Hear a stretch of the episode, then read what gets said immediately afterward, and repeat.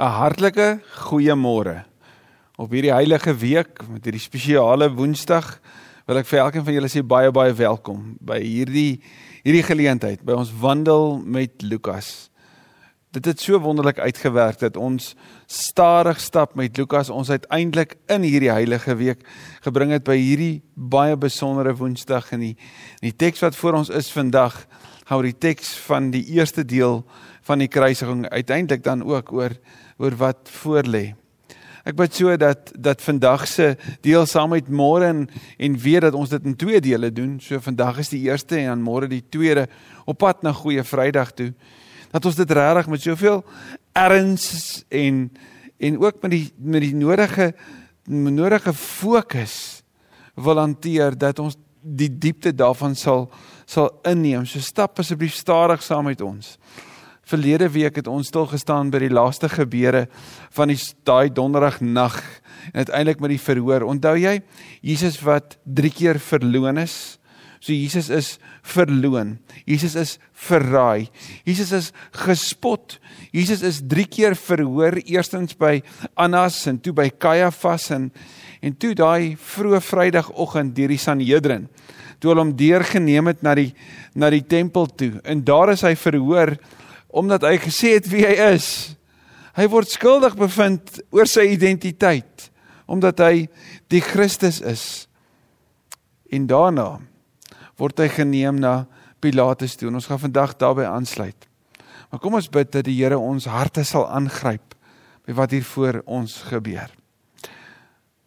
Here ons God, U is heilig. U is groot en U is so vol liefde. Mag ons die tyd wat ons vandag ook het, die voorreg wat ons het om hiermee te wandel, mag ons dit aangryp met met beide hande, met 'n oop hart. Mag ons al die klanke om ons afsit. Want dit verdien al ons aandag. Dit verdien ons fokus. En uiteindelik, Here, herinner dit ons aan u liefde vir ons, die prys wat u betaal het en waarom dit so die moeite werd is om agter Jesus, die Christus, die lam van God aan te stap. Help ons asseblief om ook vanuit hierdie teks mooi te hoor wat U vir ons sê. Bid dit in Jesus se naam. Amen. Amen. Net voordat ons Lukas 23 mee afskop, daar's bitter baie ekstra notas op hierdie notas wat hier voor my lê en daarom wil ek jou weer eens uitnooi as jy nog nie deel is nie. Ek kan steeds vir jou al die notas van die vorige Bybelstudie stuur. En die lekker is al daai video's is van 'n jaar terug af opgeneem weekliks en jy kan dan gaan kyk en die die die, die notas deurwerk. So stuur net my e-pos csmith@ksm.co.za en ek stuur dit graag vir jou aan. Lukas 23. Jesus voor Pilatus. En daarna die hele vergadering opgestaan. Dis nou hierdie Sanhedrin, die 70 plus 1 en Jesus na Pilatus toe geneem. Die vraag sou natuurlik wees, wat soek Pilatus in Jerusalem? Want sien Pilatus is eintlik vanaf Caesarea. Dit is waar hulle waar hy die mense verhoor het. Dit was sy sy sy die plek van sy heerskappy.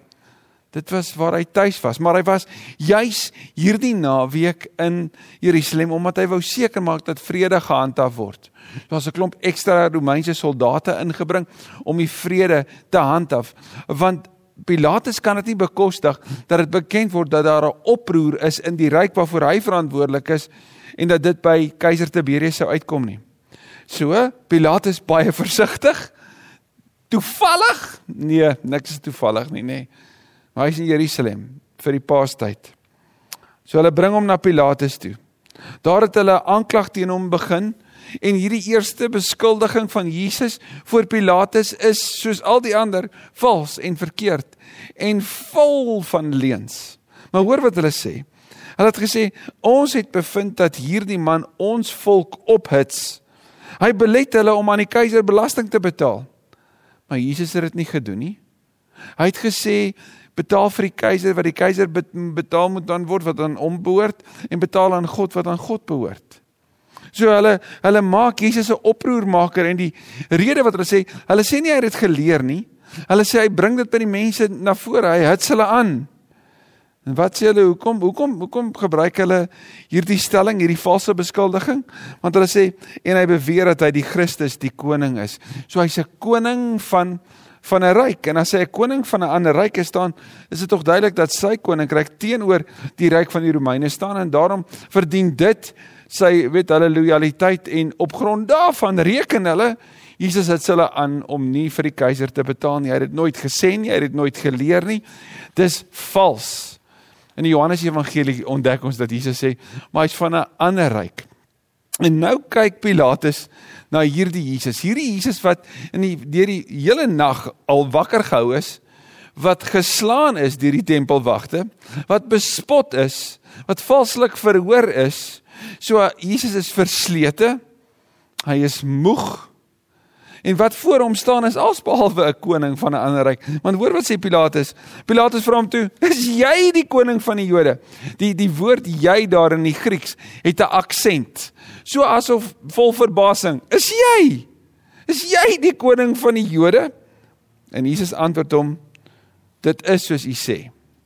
Wel, as dit so is, dan staan Jesus mos teenoor koning Herodes wat aangestel is. Maar Jesus bevestig, dit is soos u sê. Daarop sê Pilatus vir die priesterhoofde en die skare: Ek vind geen skuld in hierdie man nie. En dis een baie belangrike beslissing hierdie en ons gaan dit 3 keer hoor. Jesus is onskuldig verhoor. Die lam van God is onskuldig gewees. Hy is onskuldig verhoor en dit was die beslissing gaan lees gerus Johannes 18 vers 36 waar Pilatus voor die praetorium uitkom. Hy kom as dit ware uit met 'n beslissing. Daar's geen skuld aan hierdie man nie. Maar hulle is nie tevrede nie. Want sien, die hof van publieke opinie skree altyd harder as die hof van die reg nie in hulle guns 'n beslissing vel nie maar hulle het harder en sterker daarop aangedring en gesê die hele Joodse land deurstook hy die volk op met sy leer. So nou verander hulle as dit ware sy beskuldiging. Hulle het eers gesê hy's 'n oproepmaker teen die Romeine. Nou sê hulle nee, hy's 'n oproepmaker teen ons. En weer eens is dit 'n valse beskuldiging dat hy die mense ophits en aanhits met sy leer. Onthou Johannes 8 vers 44 wat sê die Satan is die vader van die leuen. En ons sien dat Korintiërs ook vir ons kom sê, dat Paulus hom sê dat dat die engel die weet die die die die Satan vermom as 'n engel van die lig en daarom moet ons nie verbaas wees as sy volgelinge en sy kinders dit ook doen nie. En hulle tree regtig hier op as kinders van hierdie vader van die leuen, wanneer hulle leuns voorbring en en en leuns vertel. Dan sê hulle hy het van Galilea af begin en tot hier daarmee gekom. So as dit ware, hy het oral hierdie hierdie aanhitsing het hy in in bekend gemaak, maar nee, hy het van Galilea af oor die koninkryk van God gepraat. Hy het hoop gebring en genesing gebring. Maar hierdie woord Galilea gee vir Pilatus die die die agterdeurtjie waardeur hy kan glip. Die geleentheid om as dit ware die die die hele saak voor hom aan te gee vir iemand anders. En vir wie kan hy dit aangee? Vir Herodes. Ons lees. Toe Pilatus dit hoor, vra hy die man of die man 'n Galileer is. Nadat hy te wete gekom het dat Jesus uit die magsgebied van Herodes afkomstig is, het hy hom na Herodes toe gestuur. Wat juis in daardie tyd self in Jerusalem was. Want ook Herodes se paleis is in Caesarea. En Herodes het wanneer hy vir die Paastyd na Jerusalem toe gekom het, en hierdie is Herodes Antipas, die seun van Herodes die Grote. Herodes die Grote was aan bewind geweest toe Jesus gebore is. Sy pa die massa moord toegelaat. En en Herodes Antipas was hierdie vreemdsoortige man. Hy was die man wat Johannes die Doper laat onthoof het. Hy het hom eers in die tronk gestop toe Johannes die Doper vir hom gesê het: "Maar jy kan nie vir Herodes jou boetie se vrou as vrou neem nie. Dis teen die wet. Dis teen God se wil." Toe toe hom in die tronk laat stop en uiteindelik toe toe Herodias se dogter vir hom gedans het hierdie wulpse danse gedoen het toe het hy geval daarvoor en vag sê wat ook al jy wil hê en ons ken mos die storie. Uiteindelik het Johannes die doper sy kop verloor letterlik is hy onthoof. Want dis die wreedheid van Herodes Antipas Toe Pilatus dit hoor, vra hy dit en hy stuur hom toe na Herodes toe. Nou vir Herodes Antipas sou dit 'n 'n blyk van eer wees aan Pilatus se kant. Hulle was nie goeie vriende nie. Ons sal trouens die teks gaan vir ons sê hulle was kwaai vriende. Hulle was nie op goeie voet nie. Maar hierdie is 'n vorm van eer waarin Pilatus kom erken dat daar heerskappy is aan Herodes se kant dat dat hy dat hy iemand van gesag is. Nou in 'n wêreld van eer en skaamte het hy letterlik eer aan hom betoon. Ons so hy stuur vir Jesus daarheen na die paleis van die Makkabeërs, daar waar Herodes gebly het wanneer hy in Jerusalem kom bly het vir die Paastyd. Herodes was baie bly om Jesus te sien, want hierdie man vol vermaak en jy kan oor hom baie gaan lees.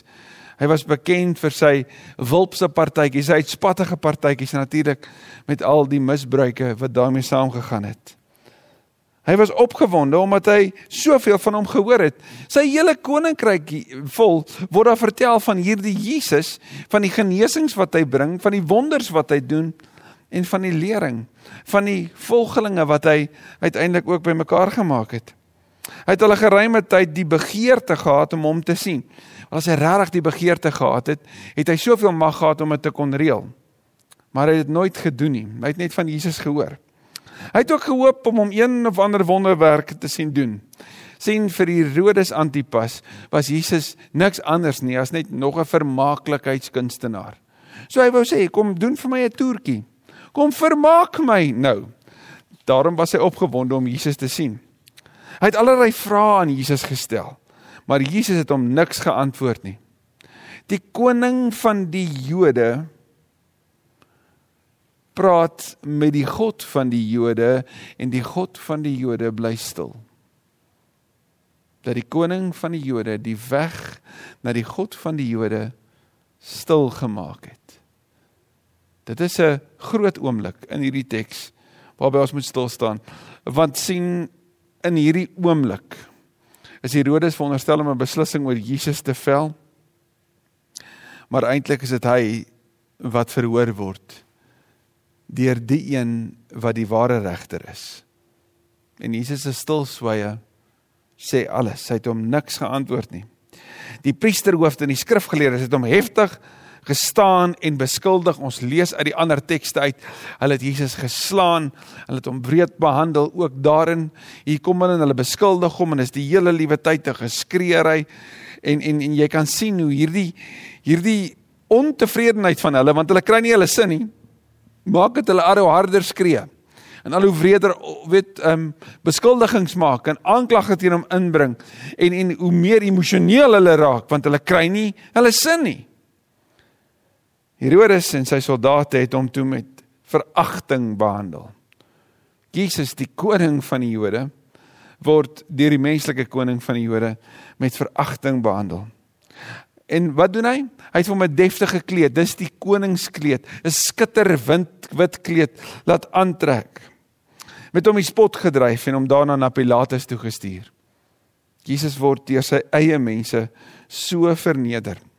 Wanneer Herodes hom wegstuur, is dit in wese ook 'n erkenning Jesus is onskuldig. Op daardie dag sê Lukas vir ons het Herodes en Pilatus vriende geword. En die woord vriende daar beteken nie hulle het by mekaar koffie gedrink nie. Dit beteken hulle het bondgenote ge geword want hulle het eintlik 'n gemeenskaplike vyand gehad. En hulle het saamgewerk rondom hierdie saak. So hulle was aan mekaar gebind. Voorheen was daar kwaai vriendskap tussen hulle. Daarna het Pilatus die priesterhoofde, die lede van die Joodse raad en die volk bymekaar geroep. So hy gaan staan daar voor en hy roep hulle na hom toe. En hy het hulle gesê: "Julle het hierdie man voor my gebring as 'n opruier van die volk. Nou het ek in julle teenwoordigheid die saak ondersoek en ek het in hierdie man geen grond gevind vir die aanklag wat julle teen hom inbring nie." Tweede keer dat Pilate sê hy is onskuldig. Wanneer wanneer Pilate sê nou het ek in julle teenwoordigheid, is dit soos om te sê kyk, luister na my. Ek het besluit hy is onskuldig. Herodes het ook nie sê Pilatus, want hy het hom na ons toe teruggestuur. Hy het beslis niks gedoen wat die dood verdien nie. Ons moet daaraan vashou. Hierdie Jesus, onskuldig, het niks gedoen nie. En daarmee bevestig Pilatus ook Herodes se uitspraak. Ek sal hom dus laat gesel en dan loslaat. Jesus het niks gedoen nie. Op die ergste sou hom dalk 'n paar houe met 'n sweep kon laat slaan. Maar nee, Pilatus wil in die Jode se guns wees want sien hy's 'n gesoute politikus. Hy wil graag hê dat daar vrede moet wees in Jerusalem. So wat gaan hy doen? Hy laat Jesus gesel. Dit is om 'n karwats met waar daar bene van diere aangehaak is wat bedoel is om die vlees oop te ruk en hierdie geeseling was nie die 39 houe wat die gebruik was onder die Joodse wet nie. Nee, dit was gedoen deur Siriëse soldate. Dit was wreed geweest, dit was onbeperk geweest en dit was bedoel om 'n persoon se liggaam so aan flarde te slaan dat hy op pad na die kruis toe want dis waaraan geeseling gekoppel was dat jy gegeesel word en dan word jy gekruisig om 'n persoon so uitmekaar uit te slaan dat dit die kruisigingsproses verhaas dat die lyding aan die kruis ook meer intens is met 'n verslete liggaam wat uitmekaar uitgeruk is en en vog wat verloor word. So hy sê ek sal hom laat gesel, so asof hy sê ek sal dit vir julle doen. Hy's onskuldig, maar weet julle wat? Ek sal dit vir julle doen. So half as om te sê ek wil die bloeddorstigheid in julle versoek. Ek wil julle daarin tevrede stel. Ek wil julle behoeftes vervul. Maar soos een man het hulle geskree, weg met hom. Die Griekse woord is airei.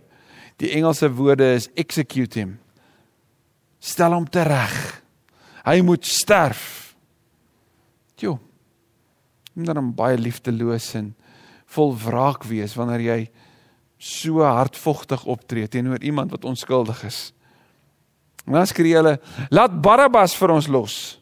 Barabbas was aan die tronk oor 'n opstand in die stad en oor moord. Barabbas was aan die tronk omdat hy 'n oproermaker is. Hulle sê, "Laat die skuldige oproermaker vry." En die een wat ons beskuldig het as 'n oproermaker, wat dit toe nie was nie wat onskuldig is sit hom in Barabbas se plek. En die die Hebreëus Barabba beteken seun van die Vader. Die eerste man vir wie Jesus sterf as seun van die Vader is vir 'n man met die naam van seun van die Vader. Hierdie oproermaker wat moord gepleeg het. Hulle sê ons kies hom en kruisig vir Christus Omdat Pilatus vir Jesus wou loslaat, het hy weer met hulle gepraat. Maar hulle het aanhoudend uitgeroep: "Stauro, Stauro, Stauro! Kruisig hom, kruisig hom." En daar sien ons dat publieke opinie weeg swaarder as die regsuitspraak van die hof. En dan 'n derde keer. En en hierdie verhale van Jesus is so vol van dries. Daar's 3 ontkennings van Christus. 3 keer word hy onskuldig bevind. Daar's 3 vrae wat aan hom gestel word en daar's 3 dae wat sal verloop voordat hy opstaan. Die derde keer sê Pilatus vir hulle: "Watter kwaad het die man aangedoen? Ek het in hom niks gekry wat die doodstraf regverdig nie. Ek sal hom dus laat gesel en dan loslaat." En hy slaan sy hamertjie op die op die hof op die toonbank nie en sê: "Dis my beslissing." So as dit ware. Maar sy mag word hier beperk want die Jode sal letterlik bo oor dit gaan met hulle opstand, met hulle volume. As jy nie kry wat jy wil hê nie, dan skree jy net harder nie waar nie. Dis wat hulle doen. Hulle het egter met 'n harde geskreeu in die Grieks daar daai en dit bou op en dit bou op en hierdie opsweping maak dat mense selfs irrasioneel sal optree. Hulle wat geskree het Hosanna is nou deel van die skare wat skree kruisig hom. Die bloeddorstige groep het gegroei. Hulle het aangehou om te eis dat Jesus gekruisig moes word en met hulle geskreeu het hulle die oorhand gekry. Pilatus het toe besluit dat hulle eis voldoen moet word. Hy het toegegee. Hierdie politikus het gesê ter wille van vrede, dis reg. Want sien Jesus het vir hom niks beteken nie. Jesus was maar net nog 'n mens wat 'n prys gaan betaal. En as hy die prys moet betaal om alles stil te kry, dan is dit reg. Maar as Kajafas wat in Johannes vir ons geleer het, dis beter dat een man sterf as wat die hele volk sterf. En dis hier waar een man sterf sodat sogenaamde vrede in Jerusalem kan heers. Die man wat oor opstand en moord in die tronk was, Barabbas, het hy vrygelaat soos hulle geëis het, maar vir Jesus het hy uitgelewer soos wat hulle wou hê. En Jesus is geslaan deur daai wrede Siriëse soldate. Hy's aan flarde geslaan. En daarna moes hy gekruisig word. sien hulle dit reg gekry. Hulle die heeltyd vir 3 jaar lank rede gesoek, plek gesoek, 'n plan gesoek hoe hulle Jesus tereg kon stel. En toe kry hulle vir Judas uiteindelik wat bereid was om Jesus uit te lewer. En hulle vind 'n manier om Jesus in die nag onwettig gevange te neem om hom aan te rand in die nag om hom op 'n onwettige vergadering skuldig te vind. Hulle het hom geforseer en geneem in die in die openbaar ten aanskoue van ander terwyl hy aanhoudend aangerand en geslaan is en beskuldig en bespot en verneder is van Annas na Kajafas van Kajafas na na die tempel van die tempel na Pilatus van Pilatus na Herodes van Herodes na Pilatus en nou kry hulle wat hulle wou hê. Ons is op pad na Vrydag toe. En Jesus is in ons plek skuldig bevind. Die seun van die Vader sterf vir die seun van die Vader. Amen. Here, ons is stil. Help ons om hierdie oomblik in te neem. Help ons om die verskriklike van van hierdie dag van hierdie oomblik in te neem. Dankie dat U dit vir ons kom doen het. In Jesus se naam. Amen. Sien jou môre.